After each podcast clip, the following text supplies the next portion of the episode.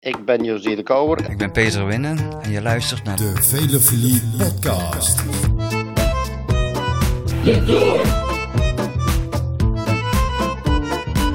Oh là là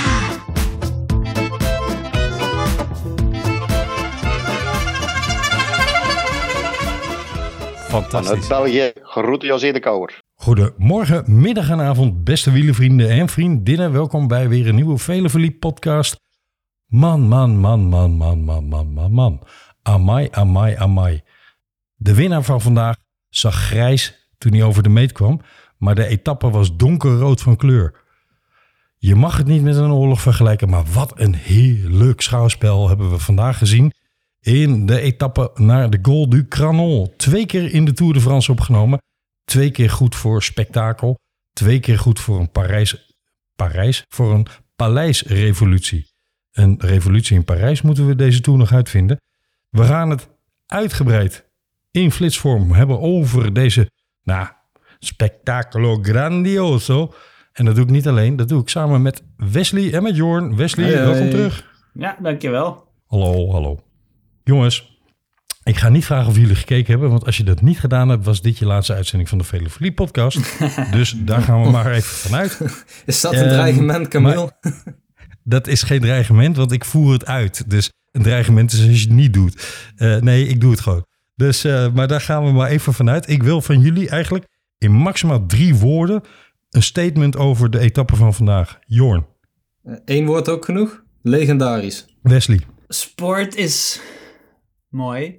Ja, dan zit ik al aan drie woorden. drie Dat zijn woorden, drie dus. woorden, ja. Ja, dan mag je niks meer zeggen. Klaar, Ja. klaar. Wesley moet nog even inkomen na zijn vakantie. Heel kort, Wesley, heb je een lekkere vakantie gehad? Zeker wel. Ja, ik ben eh 2,5 week weg geweest. En eh, nee, ik had er nog wel een week en achteraan willen plakken, eerlijk gezegd. Ja, ja. We hebben je gemist. Ehm, Toch wel? we gaan snel door. Spreek voor jezelf, hoor, Camille. Nee, grapje. We gaan het hebben over de etappe van vandaag, mensen.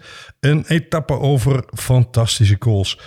We begonnen het hele spel vandaag met Wout van Aert... die de knuppel in het hoenderhok gooide.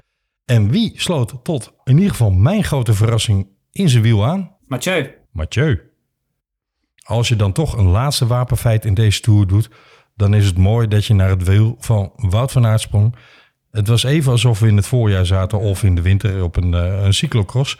Heerlijk die twee mannen even vooraan te zien. Het was wel meteen ook het laatste wapenfeit van Mathieu. We hadden het toch even samen in één beeld, Camille. Dat is toch eh, waar we vooraf eh, op hadden gehoopt. Ja, niet op deze manier. Maar uiteindelijk, we hebben ze wel samen in beeld gehad. Dus Eh. dat, eh, dat statement eh, is wel weer gemaakt. Ik denk dat Jumbo-Visma heel blij is met Mathieu van der Poel vandaag. Ja, denk het ook. Denk het ook. En ik wil eigenlijk ook na afloop wel eens een uitgebreid interview met hem lezen. Wat er nou, en met zijn trainer en met de ploegleiders, wat er nou ja, toch misgegaan is. Hij zegt zelf geen corona, want uitgebreid getest een paar dagen achter elkaar. Ja, misschien is het dan toch het, de neerslag van de hoogtestage dat hij daar minder prettig op rondgereden heeft. We zullen het moeten horen, maar ik ben wel heel benieuwd in ieder geval. Daar gaan we verder ook niet te lang over door. Want er is zoveel te bespreken over deze etappe. Mag ik om te beginnen even aanduiden dat Wout van Aert wederom, en dat was niet de eerste etappe deze Tour, wederom een glansrol vertolkte binnen het hele ploegenspel van Jumbo-Visma? Dat mag jij zeggen, Camille. Maar het, is natuurlijk ook zo. Hij, alleen hij kan dat. Hij kan op elk terrein is hij wereldtop. Inmiddels. Ik bedoel, als hij had gewild, had hij waarschijnlijk nog wel bij Barguil in het wiel gezeten op de laatste klim. Als hij echt had gewild. Eh, ja, welke andere renner kan dat? En, en, en als Jumbo-Visma dan een renner van zijn klasse op zo'n manier in hun tactiek kan, kan uitspelen. Echt tot, tot ontplooiing laten komen. Ja, ha- pet, petje af voor Van Aert en ook Jumbo-Visma. Ja, je zult hem maar in je ploeg hebben. Hè? Het is echt gewoon... Hij is zo ontzettend veelzijdig. Je kunt hem eh, het halve peloton eh, aan God laten rijden. Je kunt hem vooruitschuiven, wat ze nou dus ook hebben gedaan. Je kunt etappes met hem winnen. Het is, eh, het is de ideale coureur om in je ploeg te hebben. Ja. Ja, ik hoorde van de week Eddie Plankaart in Vive le Velo nog zeggen... Oh ja, die zit in de verkeerde ploeg. Als eh, hij een ploeg zou hebben met alleen maar mannetjes voor hem alleen... dan wint hij zes, zeven etappes in deze Tour. ja, met de grond gelijk Hoezo? maken, Hij zit in de verkeerde ploeg. Nee, nee, nee. Ik, ben dat, ik, ik snap wat hij bedoelt, maar dat is puur sentiment. Dat, dat slaat helemaal nergens op. Ik denk dat het versterkt aan elkaar. Kijk, Wout van Aert eh, wint ook, het, ook door zijn ploeg, snap je? Dus het is, het is het een sluit het ander niet uit. En ik snap wel dat Eddie Plankaart heel graag wil dat ieder, alles en iedereen in dienst gaat rijden. Maar het sentiment, dat, eh, ja, dat heeft hier echt de overhand. Ik, eh, ik, Eddie Plankaart eh, heeft hier denk nou, ik... weet je wat niet ik ervan vind. Jorn? Nou, Ik zie, ik zie Eddie Plankaart graag, zoals dat in België uitgedrukt wordt. En ik vind het meestal een buitengewoon grappige en ook wel scherpe analist. Ja, Hij- zeker. Hij, hij leest de koers nog steeds. ja, In dit geval kijkt hij echt alleen maar naar zijn eigen verleden als sprinter. En Wout van Aert kan meer dan dat. Ja. Dus Wout van Aert puur als sprinter inzetten... is eigenlijk een soort eendimensionale weergave... van het volledige 3D-spectrum... wat Wout van Aert als renner beslaat. Maar- Zonde, moet je niet doen. En het is ook een hele, hele ouderwetse manier van ik denken. wou het zeggen, het is echt de oude stempel. Ja. Ja, dat, dat, dat een sprinter allemaal knechten moet hebben en dat dat dan de hele tour zo moet zijn. Ja, oude stempel. Ja, een beetje... eh, Nee, ik was het er gewoon niet mee eens. We gaan naar de etappe van vandaag, jongens. Vanmorgen werd ik gebeld en toevallig ook iemand die van sport houdt en aan mij vroeg: Goh, hoe gaat de etappe vandaag verlopen? Wie denk jij dat er wint? En toen heb ik letterlijk gezegd: Het wordt of Vingegaard die de hele boel op een hoop rijdt, of Quintana wint vanuit een groep met voorsprong op de klasmensmannen. Dat laatste gebeurde niet, dat eerste wel. En daar was de hoop, de wens, de vader, de gedachte. En eigenlijk moeten we dat ploegenspel eens even gaan ontleden, jongens.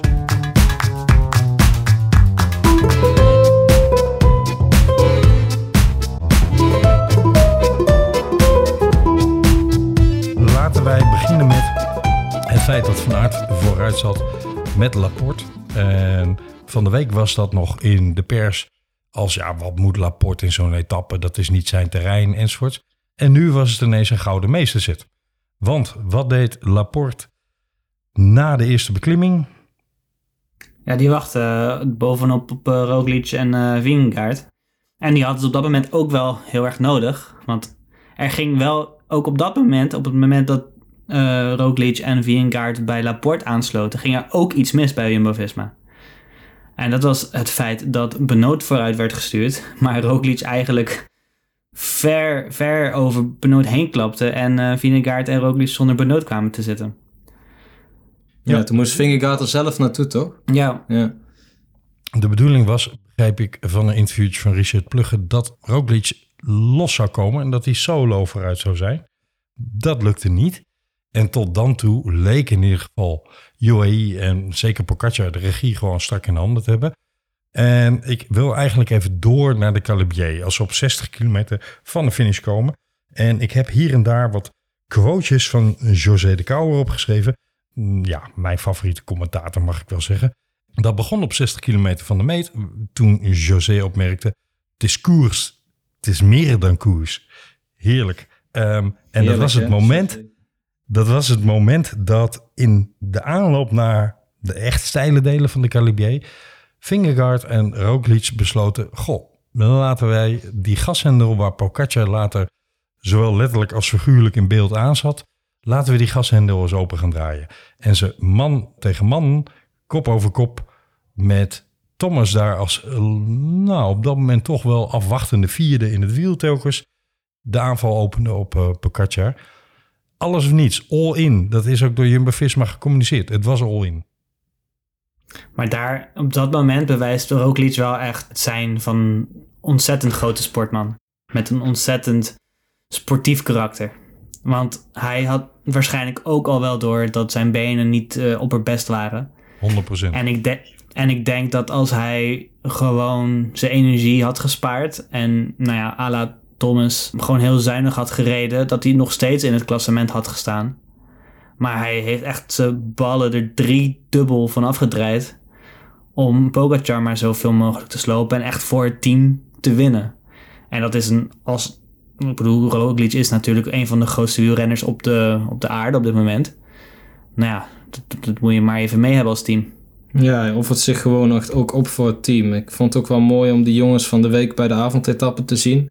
En die spraken ook echt wel uit dat uh, kopmannen als Wout van Aert en Roglic ook al echt ja, goed in het team liggen. Hè. Ze, ze, ze, ze, ze dragen die, hè, het is wederzijds. Die, die kopmannen die worden door die, die, die jongens echt gedragen. En andersom uit die kopman ook veel respect naar de jongens toe. Hè. Naar Koen Bouwman, Sam Omen, Teunissen die aan die, aan die tafel zaten. Die spraken echt groots over, over Rodic en Van Aert. En Vingegaard die schijnt dat ook al wel een beetje te hebben. Maar dat, dat, hè, dat sportmanship, zoals Wesley het dan hier eigenlijk een soort van beschrijft dat heeft Roglic ook echt. En dat maakt hem ook wel een gewaardeerd coureur. Niet al, altijd in het peloton, maar wel, uh, maar wel binnen zijn ploeg. Ja. Ze hebben een uh, geweldige mentor op dat vlak in Steven Kruiswijk. Die dit echt tot in de vingerpuntjes beheerst. Dat, ja. dat motiveren van het team. Daar hebben we in deze podcast al wel vaker over verhaald. Maar toen hij de Giro verloor in 2016, is hij op de dag dat hij in de sneeuwmuur reed, is hij s'avonds nog even de, de kamers afgegaan van zijn ploeggenoten en gezegd: Kom op jongens, we hebben nog steeds wat om voor te rijden enzovoort. Terwijl hij degene was die opgebeurd moest worden natuurlijk. Dus daar hebben ze een goede mentor aan Kruiswijk aan. Het grappige is wel dat of je nou Roglic op een podium in de gele trui hijst of Vingegaard. Het is niet dat je denkt, dolle boel daar op dat podium. Het is niet dat je denkt, wauw, wauw, wauw, wat een uh, feestvreugde. Het is niet dat je bij het flash-interview na afloop van de etappe denkt... Jongen, wat zegt hij allemaal? Doe eens even rustig. Nee, ze zijn allebei ijskonijntjes en zijn allebei nogal introvert, lijkt het. Maar ze hebben dus allebei binnen de ploeg heel veel lol en heel veel uh, kameraadschap met die andere coureurs. Dat is, dat is grappig om uh, te zien dat ze extern naar buiten toe een heel ander soort beeld weergeven dan dat hoe er in de ploeg over ze gedacht wordt. Heel grappig. We gaan naar 50 kilometer in de koers. Als José de Kouwer zegt koninginnenrit. Het hele koningshuis wordt hier met de voeten gespeeld. Typische José de Kouwer opmerking. Ja. En dan slaan we even over dat op 53 kilometer van de meet... ja, Roglic zijn rol uitgespeeld was. Hij moest op dat moment een rol lossen. En toen hielden we een groep over van Pocaccia, Vingegaard, Kruiswijk en Kuus. En eigenlijk wil ik jullie nog even horen zeggen... viel Kuus nou tegen of mee? Mm, ja, viel die tegen of mee? Ik vond hem. Ik had hem. Eh, eerst had ik hem opgeschreven dat het allemaal wel meeviel. Hij zat gewoon echt wel bij de, op de plek waar hij moest zitten. Hij klom met die beste jongens mee. Alleen op een gegeven moment was het. Uh, ja, net zoals met Kuus gaat het lampje dan uit. Dan gaat hij ook echt uit hè, bij hem. Het is vaak uh, een beetje alles of niets bij Kuus. Hij voor mij is Niet het. dat hij snel uitging, joh. Ja, dat, dat, ja, precies. Kijk, het is voor mij top 10 uh, uh, beste klimmers ter wereld. Hè? Pure klimmers als Ja, specialisme. Op zijn goede dagen. Op, ja, en op zijn goede dagen behoort hij echt zo zelfs bij de top 5. Maar vandaag had hij denk ik niet zo'n goede dag. Ik heb hem niet echt op kop zien, zien werken. Hoefde misschien ook niet in het scenario wat, uh, wat, wat uiteindelijk uitkwam. Maar kijk, Kruiswijk die heeft dat al wel laten zien eerder dit jaar. En ook al vandaag in die etappe dat hij op kop zat en echt gewoon mensen op de pijnbank legt. Wat ook de bedoeling was onder de, van de strategie. Dat heb ik Koes niet zien doen. Dus uh, dan ging het lampje te vroeg uit. Hij moest ook passen op de laatste klim. Ook niet heel gek, hè, want daarvoor werd al heel veel werk gedaan. Maar um, ja, dat, dan, in die zin verwacht je hem dan of zo nog op die laatste klim. Hè? Ik denk dat dat een beetje dat gevoel hebben bij Koes. Van als hij heel goed is, dan zat hij erbij op het laatst. Maar ik moet wel zeggen dat hij, dat Sepp Koes wel overwegend in grote rondes echt in de laatste week tot de betere klimmer Ja, dat is waar. Zeker. Dus ja. daar zitten we nog niet eens.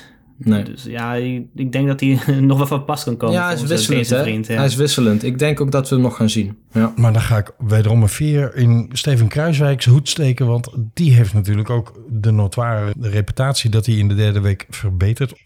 Althans, minder verslechterd. dan Minder slecht wordt. Ja. En, en hij reed er toch vandaag ook al wel lekker bij, moet ik eerlijk zeggen. Ja, Zeker in zijn goed, hè? knechtenrol. Dus als die Ja. nog groeit in deze ronde, dan is, is het bal eh, voor Jumbo-Visma. Op de top van de Calibier. Het dak van de koers hadden we Barkiel voorop. En daarachter hadden we Teuns, Latour. We hadden Geske die mechtig vocht voor zijn bergtrui punten. En daar, eh, nou ja, succesvol in was. Want hij behoudt na vandaag in ieder geval nog even de bergtrui. Daar vraag ik me af of dat morgen ook nog zo zal zijn. Maar dat zullen we morgen zien.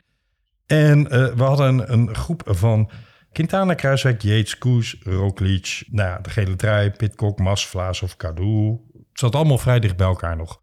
Het leek op dat moment even alsof het hele spel in de beginkilometers van de Calibier toch min of meer geen resultaat had opgeleverd. Dus was de vraag, kan Pocaccia dan op een gegeven moment misschien een demarage gaan plaatsen. Of in ieder geval de druk opvoeren. En dat zag je ook in de aanloop, de afdaling van de Calibier. Lange afdaling, schitterende afdaling om te rijden. En de vlakke kilometers naar de Kranon toe. Dat is altijd vies, hè, zo'n dalletje. Dat is killing voor een Ja, als Bakiel. daar kun je, daar kun je eigenlijk ook het ja, maar daar kun je ook het verschil maken, hè, Camille. In principe, als je hem van aard voorop hebt zitten en je, je kunt een verschilletje maken, dan is zo'n dal juist het punt om het verschil te maken. Denk maar aan Rowan Dennis met eh, eh, Theo Gegenhardt in de Giro. Daar kun je het verschil maken. En ik denk dat Jumbo-Visma daar vandaag ook op... Ja, dat dat een scenario was wat zij wel, eh, wel wenselijk vonden. Komt uiteindelijk niet zo uit. Maar daar, eh, dat moeten we niet, eh, niet vergeten. Dat dat misschien wel het masterplan was van vandaag. En wie ik trouwens net niet benoemde, die ook nog vooruit zat op dat moment, was natuurlijk Wout van Aert. Over masterplan gesproken. En over die vallei gesproken. Mensen die vandaag de tijdslimiet wel gehaald hebben. Onder andere een man die daar als een berg tegenop zag. En dat ook voor de etappe van morgen naar de Alpe d'Huez doet. Dat is een voor ons bekende sprinter, Fabio Jacobsen. Maar dat soort mensen maken juist in zo'n afdaling en zeker, eh, of zeker in de afdaling, maar ook in zo'n vallei, maken ze tijd goed op de koplopers. Hoe gek dat ook klinkt. Want die stonden toch ook echt niet stil, hè? Maar die haalde dus op vier minuten de tijdslimiet. En dat komt door de hoeveelheid arbeid die ze verrichten in zo'n afdaling en in zo'n vallei. Op 24 kilometer van de finish laat Wout van Aert zich uit de kop van de wedstrijd. Was op dat moment sterk bezig, maar kreeg een teamorder om zich terug te laten zakken. Bivakkeerde even in het groepje van Fingergaard gele trui en liet zich vervolgens nog verder terugzakken om Roglic op sleeptouw te nemen. Goeie set. Nou ja, daar kan je nu heel veel over zeggen natuurlijk. Ik, eh, ik denk dat ze wilde Pogacar, Pogacar op kop wilde dwingen in de, in de groep gele trui. Dus Van Aert liet zich naar, uitzakken naar Roglic. En Pogacar wilde niet dat zij er weer bij zouden komen. Dus ik, hoop, ik denk dat Jumbo-Visma eigenlijk de kop op wilde dwingen aan Pogacar. Nou ja, dat, zo ging het niet helemaal. En Maika kwam terug. En Maika die had eh, ondertussen even twee nieuwe benen uit de uit ploeg, eh, ploegwagen gehaald, denk ik. Want wat gebeurde daar nou opeens? Die had Dat een heel finale opvallend, bidonnetje Ja. gehad. Ja, Ja, ja dat, was, eh, dat was echt bizar. Kijk, het, dat zag er inderdaad een beetje gek uit dat hij, nou, dat hij Roglic ging ophalen. Ik dacht van nou, dan, dan gokken ze een beetje op de explosiviteit van Roglic. Dat je een soort van momentum kunt creëren. Want ze wilden Roglic klaarblijkelijk echt per se terug hebben aan de kop van de koers. Mhm. Ehm, maar ja, ongewild brachten ze daar Maika mee terug. Die, wat Wesley net terecht zei, echt een, een, een super slot van de etappe reed. Maar ja, uiteindelijk niet eh, heeft kunnen voorkomen dat Pogacar veel, eh, veel tijd heeft verloren. Op 20 kilometer van de finish maakt Pogacar een gebaar alsof hij een gashendel opendraait. En hij lacht naar de camera en hij doet alsof hij daarbij eh, zegt... "Wow, we zijn een beetje aan het Maar- spelen met de snelheid. Ja, daar wil ik ook wel wat over zeggen. Kijk, dat, eh, dat, dat, wat, ja, dat was wel, wel leuk. Ik, tenminste, ik vond het wel een leuk moment dat hij dat doet. Ik hou er wel van, Mhm. van die renners. Maar op het moment dat jij in je herstelfase zit, want dat, dat zaten ze op dat moment. Hè, ze, gingen, ze, zaten, ja, ze gingen naar beneden. Zij was herstellende, om vervolgens er straks daar later weer aan te moeten zetten. Ja, dan kan dat ook. Hè. Zo, je hartslag gaat naar beneden, je lichaam voelt wat relaxter aan. Alleen het gaat er nou juist om dat op vervolgens in de vo- eerstvolgende inspanning die je dan doet, ja, wat doet jouw lichaam dan? Hè? Wat, wat, hoe, hoe, re- hoe reageert jouw lichaam op die, op die interval? En eh, ja, uiteindelijk een combinatie van de hitte, de hoogte. En ik denk dus ook die interval. Pogacar was blijkbaar toch al ontzettend vermoeid van de, gewoon de arbeid die hij daarvoor heeft moeten verrichten. Dat hij uiteindelijk bij Vingegaard moest lossen. Dus dat, dat, tussen, ja, dat tussenstukje waarop iedereen dacht... nou nou, als je dit nog kan doen voor de camera... dan moet hij wel heel goed zijn. Ja, dat wil ik wel, wel bij deze een beetje nuanceren. Want dat is gewoon de herstelfase waar het lichaam gewoon op dat moment in zit. Dus dat zegt dan niks over die Dan tweede wil ik jouw woorden ook een beetje nuanceren door die van Pogacar zelf aan te halen. Die eigenlijk in de interviewtjes na afloop zei... totdat Vingegaard er vandoor ging, voelde ik me ook heel goed. En daar waar gans de wielenwereld op dit moment aan het speculeren is over... was het een fringale? Was het een hongerklop? Zegt Pogacar daar niks over. Als dit nou, zoals José de Kouwer zei, als dit conditioneel is, dan is het einde tour.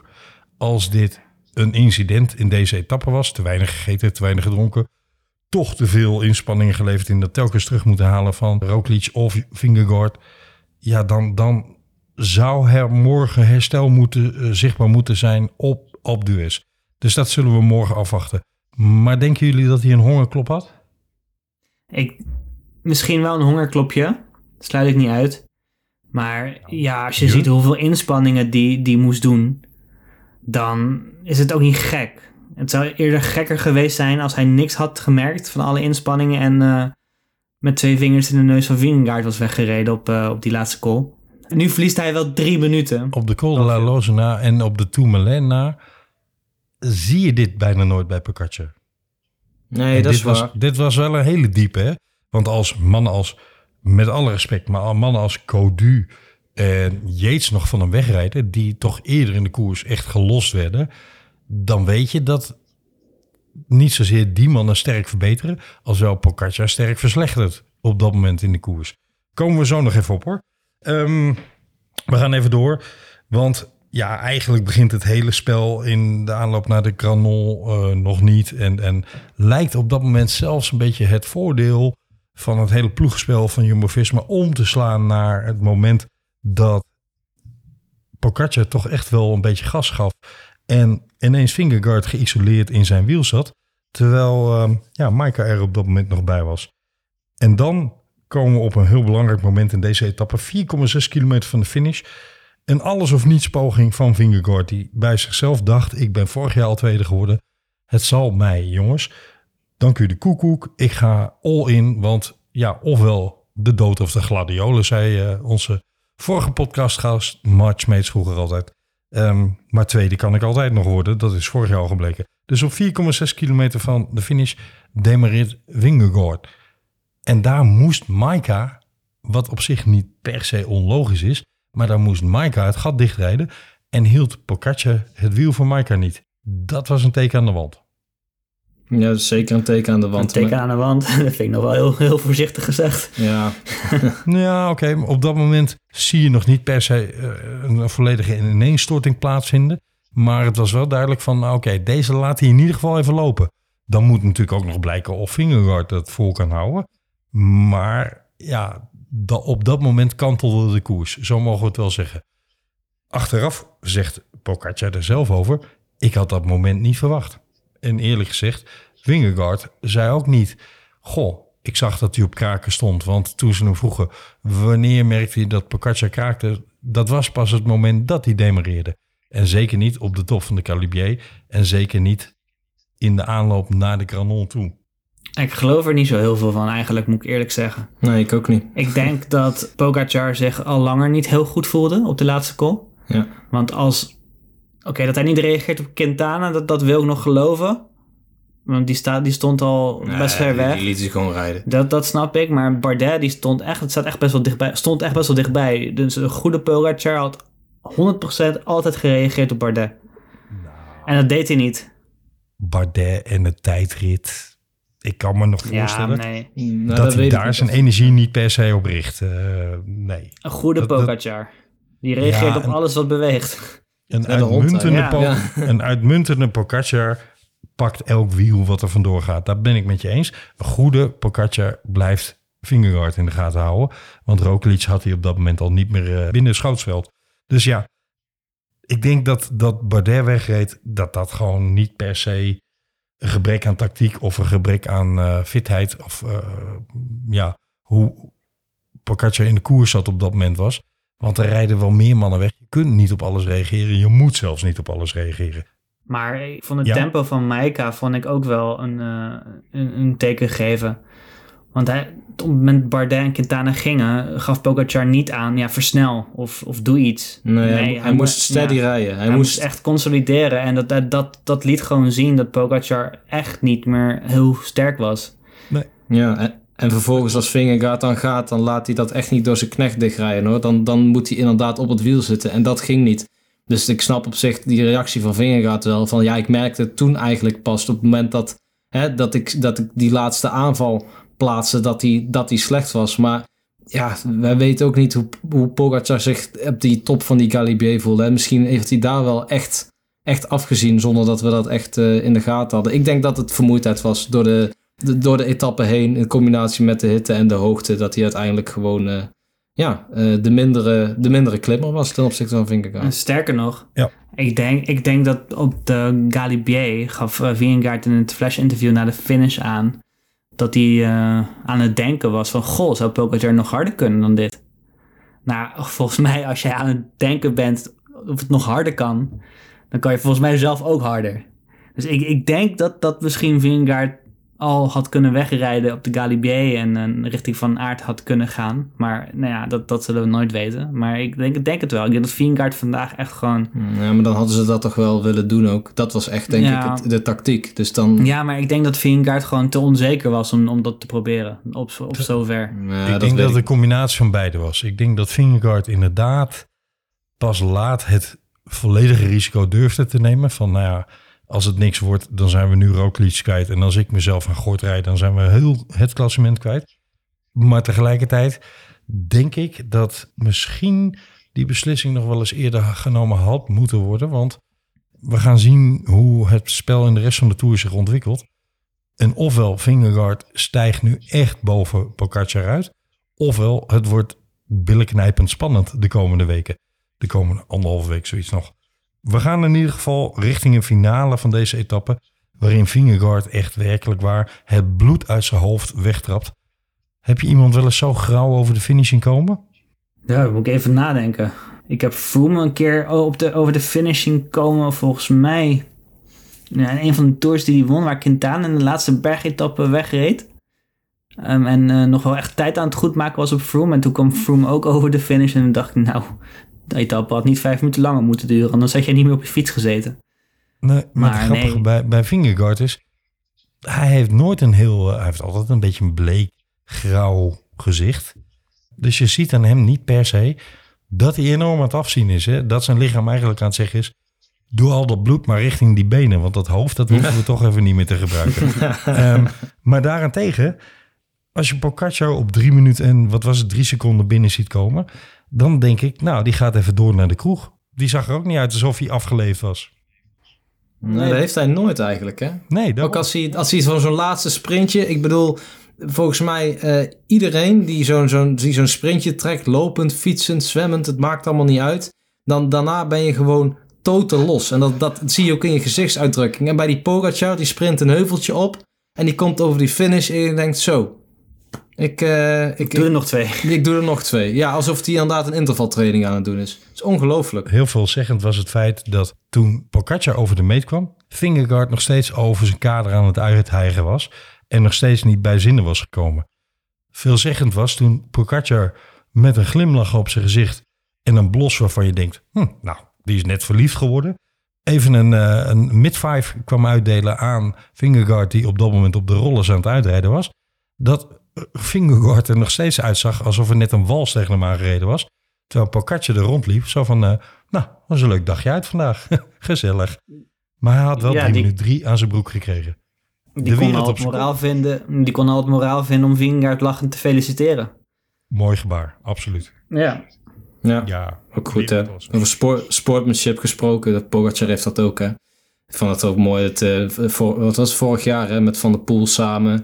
Eh, dat, dat vond ik ook een mooi moment. En nu ook weer met Vingegaard. Ik vind dat wel goed. Mooi als die concurrenten elkaar het zo... eh, in het heet van de strijd het zo moeilijk maken. Maar uiteindelijk ook gewoon... eh, ja, hun verlies toe kunnen geven. Of eh, ja, gewoon goed met elkaar eh, uiteindelijk overweg kunnen. Ik vind dat wel mooi om te zien. Ja, ik moest terugdenken aan Mathieu van der Poel en eh, van Bini Girmay, die sprint verloor. En daar prachtig op reageerde ook. Het is, eh, het is tegenwoordig in, de, in het peloton ja, goed gangbaar om, eh, om elkaar eh, het te gunnen nadat de strijd hard geweest is.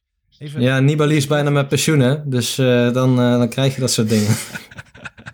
Er is te, te weinig veiligheid in peloton, bedoel jij dus? Ja, ja, ja, ja, dat soort figuren zijn blijkbaar dus ja, in, de, in de minderheid geworden. Maar Nibali, eh, wat hebben we nog meer, Wes? Wie hebben we in het verleden nog gehad? Van die, van die smeerlappen in het peloton. Die het echt, eh, nou, Valverde en Rodriguez hebben we natuurlijk gehad. Ja, Ja, die, die kon er ook wat van, ja. ja. nou, die zijn Het er wordt tijd om weer een capo eh, in het peloton te krijgen. Hey, ehm, even een opmerking tussendoor voor jullie en voor de luisteraars. Ik zal proberen morgen eens even een eh, fotootje te posten op eh, onze Twitter, Velofilie. Maar wat mij ineens opviel toen ik Pogacar na de finish zag... dacht ik, hij lijkt verdomd veel op een jonge Joop Zoetemelk. In bepaald opzicht. Ga ik morgen een fotootje van proberen te Dat is voor mijn tijd, Ehm, Camille. ja, nou ja, koppie is ook voor mijn tijd. Maar toch weet ik wel het een en ander van koppie af. eh. en dat Ja, ik- wij, wij weten ook wel wat van, ja, wij weten ook wel wat van zoetemelk af. hoor. ja, Alleen niet hoe die eruit ziet toen hij 17 was. Nee. Hoog tijd dat jullie dat gaan leren, jongens. We komen bij de finish en eh, ja, het slagveld is compleet. Fantastisch, prachtige overwinning van Vingegaard. En ehm, het was uiteindelijk de chaos waar wij het van tevoren over gehad hebben. En toch, was dit nou chaos of was dit het ultieme ploegenspel? Vingegaard wint. Quintana wordt tweede op één minuut. Bardet wordt derde. Wie? Bardet? Die ging toch helemaal niet voor een klassement? Jawel. En hadden wij dat van tevoren niet gezegd? Dat hij een rookgordijn optrok. Ja, daar waren Ja, we 1% zeiden wij. We zeiden die paar procent die in Bardet denkt dat hij toch voor een klassement moet gaan, die moedigen wij aan. Nou, hij heeft geluisterd, want eh, hij gaat voor Ik klassement. toe. Eh, maar Bardet komt binnen op 1 minuut 11. Thomas wordt knap vierde.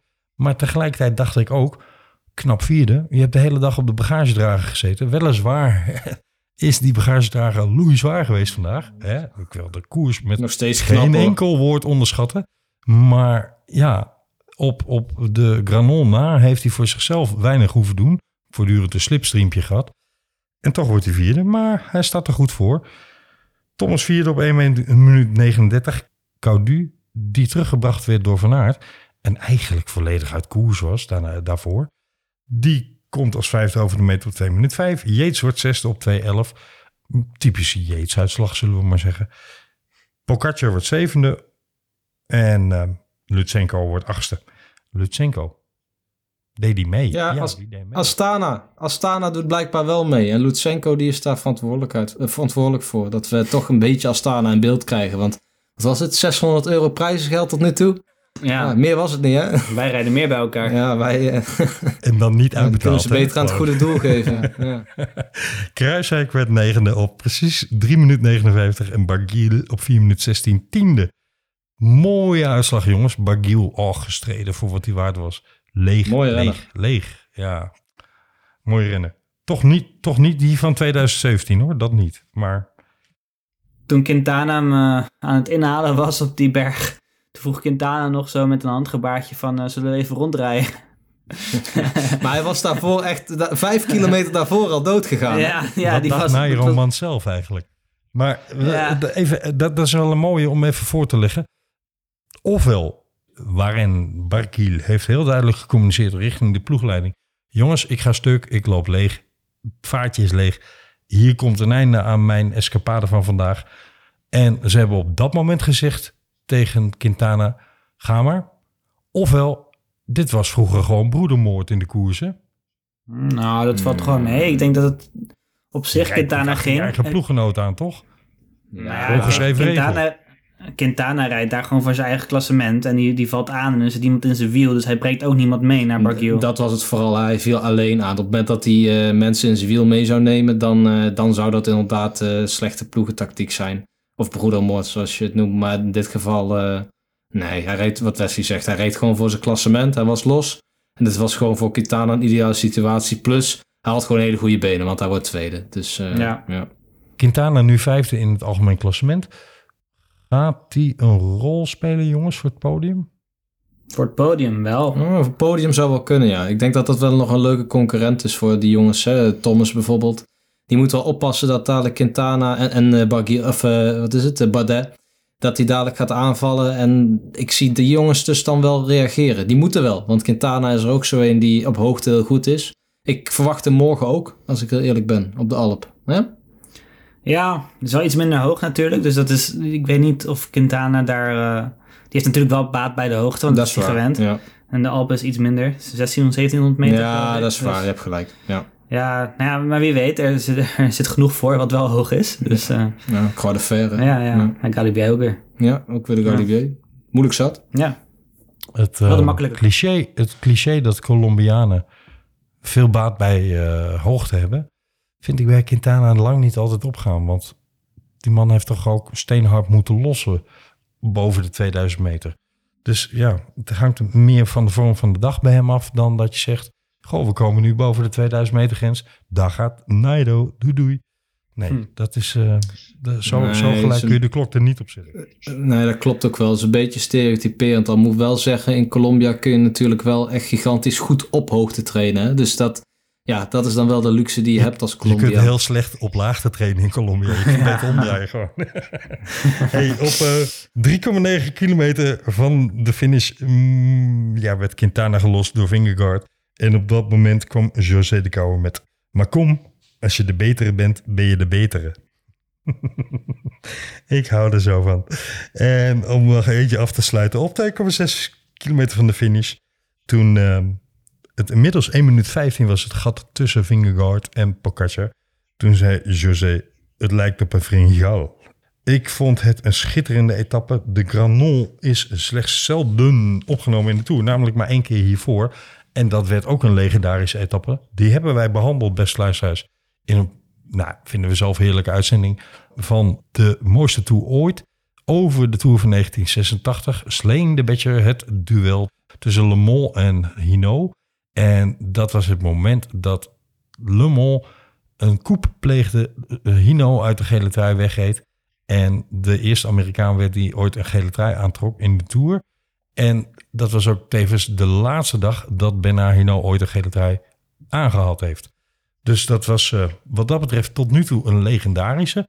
Vandaag is opnieuw geschiedenis geschreven. Dat mogen we wel eh, concluderen, lijkt me. Zeker. Dit- Ik denk dat deze etappe bij iedereen op het netvlies blijft staan. En eerlijk gezegd kan ik me ook niet herinneren dat ik in de laatste tien jaar een mooiere bergetappe in een grote ronde heb Nee, gezien. ik vond het ook een schitterend parcours. Hè? Die afdaling Ja. van de Galibier, je benoemde het net al, hè, Camille. Dat, ik heb hem zelf ook gefietst. Eh, het is een prachtig. Het is een van de mooiste afdalingen die er is. Dus de plaatjes zijn mooi. De beklimmingen Gassen, zijn gassen, mooi. gassen. Oh, heerlijk.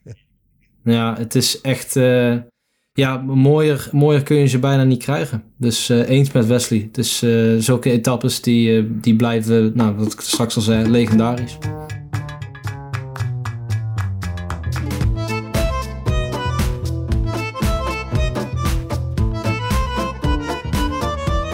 Hoe hebben ze gereden? Is dit nou, is dit nou pure mazzel geweest? Is dit nou perfect uitgekiende en uitgestippelde strategie? Heeft eh, Christian Nierman hier eh, ja, van tevoren een donderspeech van hier tot Tokio gehouden en iedereen precies gedaan wat hij moest doen? Of is dit, ja, vat het maar samen jongens. Nou ze hebben een, een plan gemaakt, een uitgebreid plan gemaakt. En dat is voor de Tour al gemaakt. En in de eerste tien dagen is er gewoon best wel het een en ander verkeerd gegaan. Hè? Valpartijen van Mhm. Roglic, Van Aert die een, opeens een hele dag voor, voorrijdt. Eh, nou ja, hier en daar wat tijd verloren. Lekker band of een fiets van, van Hooijdonk op Vinge, die, waar Vingegaard opeens op moet rijden. Dus er was een plan, maar er zijn dingen verkeerd gegaan. Toch was er nog steeds wel een mogelijkheid voor Vingegaard om Pogacar aan te vallen. En daar hebben ze het best mogelijke plan voor bedacht vandaag. En dat is wel echt heel goed uitgevoerd. Pogacar was gewoon te sterk om al eerder te lossen.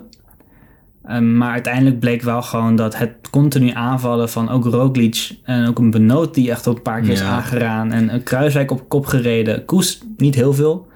Maar dat, dat, dat heeft Pogacar gewoon gesloopt. En de, de, de hele tactiek van Jumbo-Visma was daar gewoon op ingesteld. En dat is ja, volgens mij gewoon heel goed uitgevoerd. Ja, het was gewoon echt... De, iedereen had gewoon vandaag een taak. Nou, Van Aert die, eh, die zat sowieso als vooruitgeschoven pion. Roglic die in het momentum moest demareren. Dat was ook belangrijk. Hè? Die, die is explosief, dus die moest Pogacar onder druk zetten met het momentum. En hopelijk loskomen.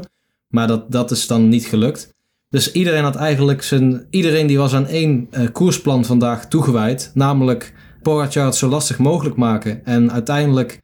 De laatste troefkaart was de meest klassieke, namelijk lossem bergop één op één in de slotklim. Ja, dat bleek uiteindelijk de finale set. Dus uh, ja, uh, de koerstactiek is perfect uitgevoerd. Ze hadden het wellicht op een andere manier ingevuld willen zien. Maar ja, uiteindelijk is, uh, ja, kwam de, de grote sloopkogel toch voorbij voor, voor Poggi. En uh, is Jumbo-Visma degene die met de champagne voor nu in ieder geval op het podium staat. Maar ik denk ook dat ze de hele Tour al bezig waren met deze etappe. Ja, zeker. Want ik heb Camille ja. wel een paar keer zien klagen al in, in onze WhatsApp groep, voor de luisteraars.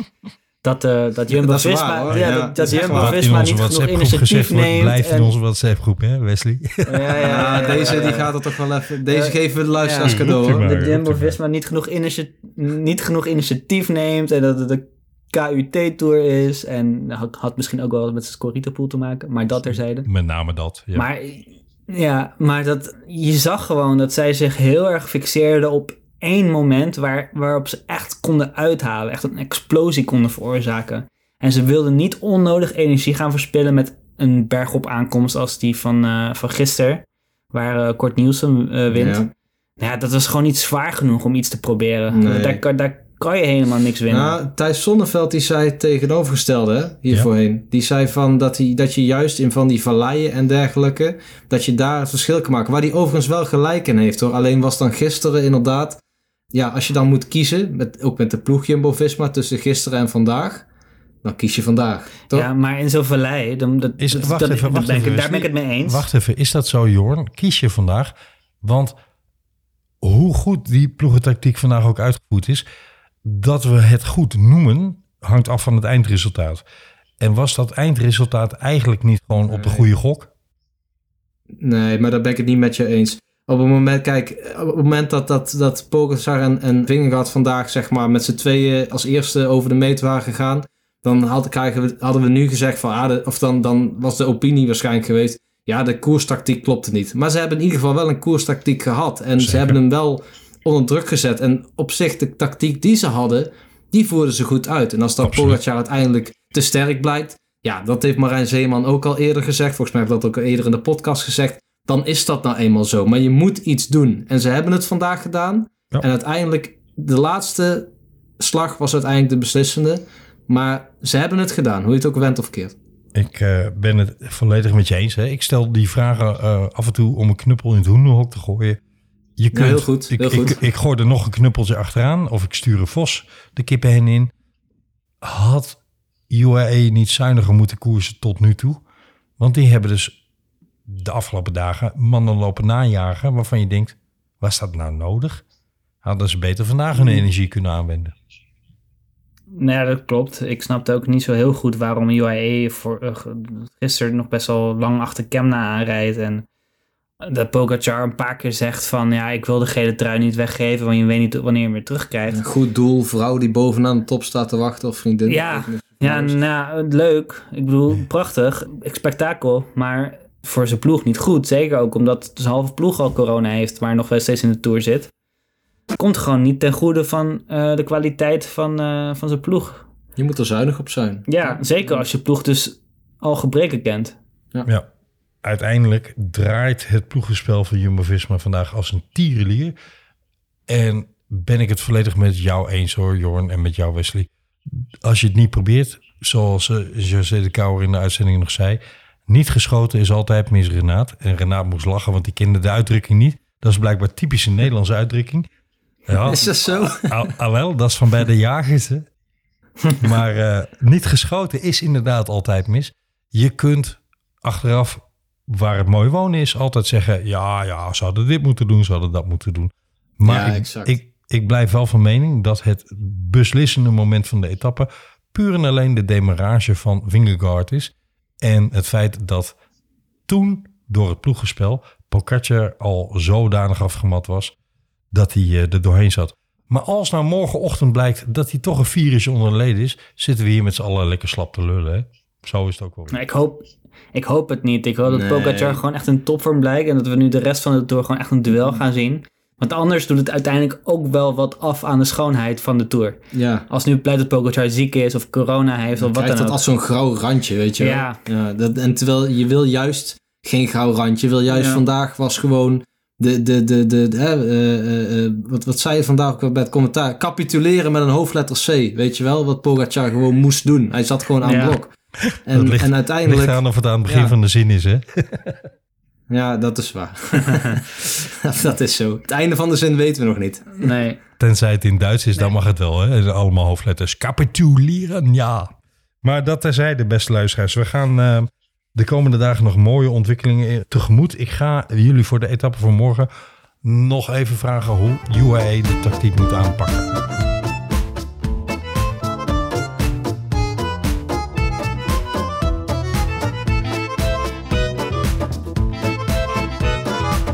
Gaan we naar Alpe d'Huez. En dan hebben we, vind ik, een van de smerigste bergen die ik ooit opgereden ben. De Col de la Croix de Fer ervoor zitten.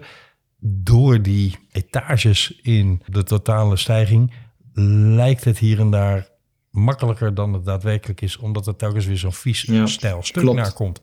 Het lijkt wat dat betreft, net zoals de Granon vandaag een beetje. Het lijkt meer op een Pyreneeënkol dan op een Alpen. Ja, hij is ook een beetje in depressief. ieder geval- Ik vind hem een beetje depressief, Camille. Want als je dan uiteindelijk boven komt, dan is daar ook daadwerkelijk niks. Hè? Je finisht volgens mij ook nooit op de Fer. Dus het is echt een... Nee. Ja, je, je wordt daar ook als, als, als renner, als je hem opviet, denk je... Jezus, wat een, wat een, wat een lang pokkending, weet je wel?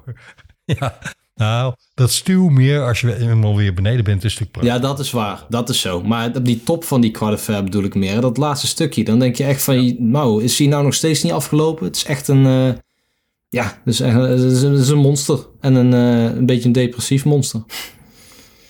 Ik ga voor jullie beiden deze vraag voorleggen.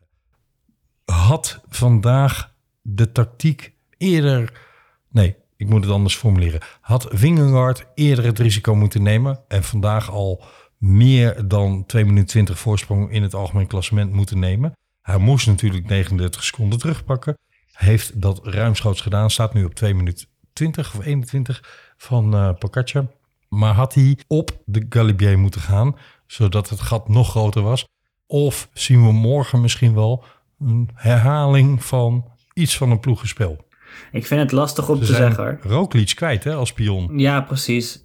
Ja, Dus dit was all-in wat betreft het totale ploegenspel. En is dan de winst die hij vandaag gepakt heeft, is dat voldoende? Het is wel veel, hè? Hij pakt Hij echt pakt veel veel. vandaag. Hij pakt echt veel vandaag. maar kijk, waarom ik neig naar eh, het zeggen van hij had het op de Galibier al moeten proberen, is omdat stel hij had het geprobeerd, dan waren er twee, nou, eigenlijk drie mogelijkheden. Hij rijdt er van weg. Nou, dan zit Van Aert ervoor en dan pakken ze minuten. Hij probeert, Pogacar haalt hem terug en er gebeurt verder niks. Nou ja, dan gaan we waarschijnlijk gewoon dezelfde afloop hebben als die we vandaag hebben gehad. Of Vingegaard probeert, Pogacar countert en rijdt bij Vingegaard weg. In dat geval had Van Aert zich uit laten zakken naar Vingegaard. En had Pogacar nog alsnog die, die hele vallei op kop gereden in de wind. En had Vingegaard in een duel bij Van Aert gezeten. En waren ze waarschijnlijk ook weer teruggekomen op Pogacar. Dus daarom, er was een soort van vangnet, die Van Aert heet. Waardoor ik zeg, Vingegaard had het misschien al wel moeten proberen op de Galibier. Ja, ze zeggen wel eens het is geen eh, PlayStation game, maar eh, theoretisch eh, ja, kan ik me goed vinden in, jouw in jouw uitleg. De durf en de overtuiging moet je natuurlijk ook hebben, want anders zit hij ook niet in je benen. Hè? Zo simpel is het ook wel weer. Dat is natuurlijk ook zo. Hè? En eh, uiteindelijk rijdt hij drie minuten weg. Dus waar hebben we het nou helemaal over? Ja, Dus dat hij, bedoel ik te Hij zeggen. wint de etappe. Hij staat in het geel. Hij rijdt drie minuten weg bij Pogacar. Dus ja, enige tevredenheid is ook wel, eh, ook wel op zijn plek natuurlijk. Uiteindelijk gewoon de laatste troefkaart. Wegrijden bij Pogacar op de slotklim. Die heeft Ja. gewerkt. Dus dan, eh, ja, ik denk dat Jumbo-Visma er nou een beetje maling aan heeft. Ik vond het mooi dat het gebeurde, want iedereen en alles riep van tevoren: je moet niet één op één een man tegen man gevecht, want dat win je niet. Nou hebben ze het met ploegenspel volledig en tot in misschien wel de puntjes voorbereid en fantastisch uitgevoerd. Ja. Tot het moment dat Vingegaard demareerde. Maar toen was het toch echt gewoon man tegen man. Sterker nog, toen was het man tegen twee man. Dus ja, zo zien we weer. Wij analisten, theoretici, podcastmakers enzovoort. Het is mooi lullen aan de Ja, zijkant. wij kunnen beter op die Playstation spelen. Camille. hey, vraag aan jullie. Stel dat er geen sprake is van corona. Want laten we dat in ieder geval hopen dat, dat, eh, dat we dat kunnen uitsluiten. Want dan zou de Tour nu echt definitief op slot zitten. Stel dat Pogacar vandaag gewoon een inzinking had om nou, incidentele redenen. Wat moet voor hem dan nu de tactiek worden om te zeggen... hier gaan we nog even wat aan doen. Nou, ik denk dat hij... in- hij is in één facet gewoon veel sterker dan Vingegaard. En dat is zijn explosie op het einde. Mhm. En daar komt Mande nog voor. Waar Pogacar echt wel eh, wat tijd kan pakken op Vingegaard. En dan vooral door de bonificatieseconden. Ja, maar hoe de verhoudingen tot op heden waren... zie ik niet waar Pogacar nog eh, twee minuten kan goedmaken op Vingegaard. Als de verhoudingen dus zo blijven zoals ze nu waren. Maar ja, Pogacar kan groeien, Vingegaard kan minder worden. Eh, je hebt een tijdrit nog van 40 kilometer, dat is echt een lange tijdrit. Ja. En daar kan Pogacar misschien ook wel wat tijd pakken. Vorig jaar in de laatste, Ja, voor, in de laatste tijdrit was Ja. Vingegaard beter. Maar ja, Het, Pogacar het had zes, zes- ja. had zes uur voorsprong op de nummer twee. Dus die heeft misschien niet helemaal doorgereden toen. true. Ja. Ehm, dus ja, het is, het is spannend. Maar ik bedoel, Pogacar is, is het type renner dat er altijd voor blijft gaan. Dus ik denk dat we echt een van de Zeg mooiste... ik iets heel raars, jongens. Als hij fysiek in orde is, als hij niks onder de leden heeft, en laten we dat nogmaals hopen, zeg ik iets heel raars. Als ik denk dat hij het met Bonis niet gaat pakken, als ik denk dat hij het in een rit naar maanden niet gaat pakken, als ik denk dat hij gewoon against all odds, bijvoorbeeld morgen op Alpe d'Huez, een all or nothing lancering moet doen. Dat is wel vroeg. Je hebt ook nog, de, je hebt ook nog autocam, hè? Ja, je hebt nog, er komt nog zoveel aan. Ik, ik, als ik dan die, als je dan een keer all out moet gaan, gewoon all in moet gaan, om het dan maar zo in pokertermen te zeggen, doe het dan, dan zou ik het niet morgen doen. Nee, ik zou het, ik zou kijken, want nu, Hij moet misschien nog wel wat meer herstellen van vandaag. juist, Maar dat hij inderdaad op zo'n soort klim, eh, of het nou morgen is of op Autocam, maar dat hij daar een all-out aan het begin van de klim in de hoop, fingerguard op een hoop. Hij moet wel. Ik verwacht dat te gaan Hij zien. moet wel. Hij moet Ja. wel, precies. En van zijn ploeg hoeft hij het niet te hebben, want die gaan Jumbo-Visma niet kapot rijden. Dat is wel duidelijk. Jongens, ik heb genoten, jullie ook, dat weet ik. We gaan morgen weer genieten. En eh, beste luisteraars, wij gaan ons weer binnen een paar dagen melden. En dan gaan we weer over deze tot nu toe elke dag spannende, elke dag fantastische en zeker ook Deens gekleurde tour verder praten. Heeft een van jullie nog een slotopmerking? Nou, vandaag heeft het wielrennen gewoon laten zien dat het de mooiste sport op aarde is. ja, ik ook. Als mensen dit vandaag, eh, na vandaag nog geen wielrennen gaan kijken, dan, eh, Ja, dat doe je niet meer mee. nee, doe, dan doe je niet meer mee. Nee. Vandaag heeft het wielrennen gewonnen. Zeker. Mooi. Mooie conclusie om mee af te sluiten. Wesley, Jorn, dankjewel. Geniet van de koers. Geniet van het leven. Geniet van de zon. Niet lang. Komt een hittegolf aan. Wil je nou zondag aanstaande, dat is 17 juli, als publiek aanwezig zijn bij een live-opname van Velofilie Podcast? En dat doen wij niet op zomere locatie. Dat doen we bij Beeld en Geluid in Hilversum. Kun je zien hoe, eh, hoe we zo'n podcast opnemen. Altijd leuk. Wij zijn er dan. In ieder geval, beste mensen, bedankt voor het luisteren. Tot de volgende. A la. Vota. Au revoir. Au revoir.